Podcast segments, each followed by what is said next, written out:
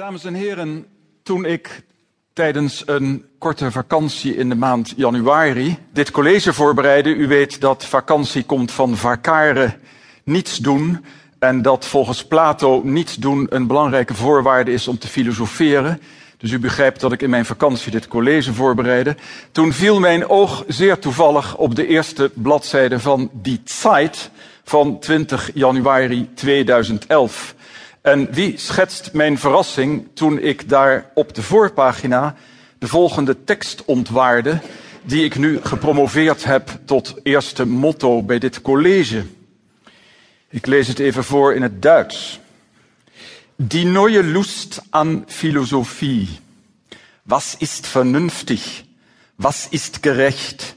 Und was macht glücklich? Antworten suchen die Menschen heute wieder bei Denkern wie Aristoteles, Kant, Nietzsche und Habermas. Dit is een aankondiging van het zogenaamde feuilleton, dus op de voorpagina van Die Zeit. Dat stemde mij natuurlijk vreugdevol, dat dit college kennelijk past in een mode waarvan ik het bestaan nog niet kende.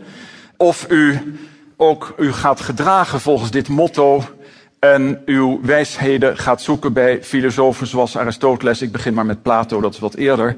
En al die anderen. Dat is natuurlijk geheel aan u om te beoordelen. En de uitdaging voor mij is om die filosofen zo interessant te maken dat u enige inspiratie van hen krijgt. Ik heb daar maar even een tweede motto aan toegevoegd, dat aan Plato is ontleend aan de apologie. En dat luidt: Een leven zonder zelfonderzoek is niet de moeite waard om geleefd te worden. Mijn hartelijk welkom dus aan u allen bij dit eerste college van de reeks Vrijheid en Verplichting, grote filosofen over ethiek. Het college bestaat zoals gebruikelijk uit drie hoofdstukken. Ik zal eerst een intro formuleren die het ons mogelijk maakt om in de tijdmachine te gaan zitten en vanaf nu 2500 jaar terug te reizen naar Plato. En we zullen zien dat Plato aan actualiteit nog helemaal niets heeft ingeboet. Dat zal ik in het eerste stuk van dit college bespreken. In het tweede hoofdstuk zal ik u iets zeggen over de opzet van het college en wat methodologische overwegingen te beste geven. En in het derde hoofdstuk ga ik in op de staat van Plato.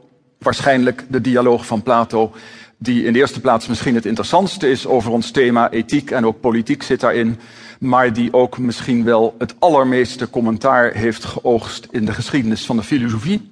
Misschien even voor de goede orde, als u statistieken bekijkt over de filosofen en u afvraagt wie heeft nou de meeste secundaire literatuur opgeleverd, dan staan Plato en Aristoteles nog steeds nummer één op de ranglijst. Ze zijn natuurlijk ook het oudst, dus u kan zeggen geen kunst, maar toch. Het is toch een interessant gegeven. En ik denk, maar dat heb ik niet nagekeken, dat de dialoog de staat misschien wel bij Plato bovenaan staat in termen van hoeveelheid secundaire literatuur. Dus dat misschien even ter inleiding. Laat ik om de tijdreis naar Plato te maken aansluiten bij een bericht wat mij nogal schokte. Hoewel ik niet helemaal zeker weet wat mijn emoties allemaal waren daarbij. Maar dat was een bericht in alle kranten in de wereld. Op 11 december 2010 pleegde een van de twee zoons van de beroemde financier Bernard, of voor vrienden Bernie Madoff, zelfmoord door zich op te hangen, nota bene aan een hondenriem in zijn appartement in Manhattan, terwijl zijn kind van twee in de kamer daarnaast aan het slapen was en zijn vrouw op reis was. Interessante zelfmoord. Die zelfmoord die vond plaats precies twee jaar nadat Mark Madoff samen met zijn broer de vader Bernie Madoff had aangegeven bij de Amerikaanse justitie. En dat was weer één dag nadat vader Madoff aan zijn zoons had opgebiecht dat hij geantameerd had gedurende misschien wel 25 of nog langer jaren een van de grootste oplichtingsschandalen die de westerse wereld ooit heeft gekend. Het Madoff-schandaal, waarbij hij een beleggingsfonds had, zoals u waarschijnlijk weet, dat een enorm rendement beloofde aan de deelnemers. En dat zou elk jaar gebeuren, dat rendement. Hij betaalde dan het rendement uit met de nieuwe beleggers, de gelden die de nieuwe beleggers inlegden. En het probleem van zo'n beleggingsfonds komt natuurlijk wanneer mensen hun geld gaan opeisen. En dan gaat het mis. En het ging...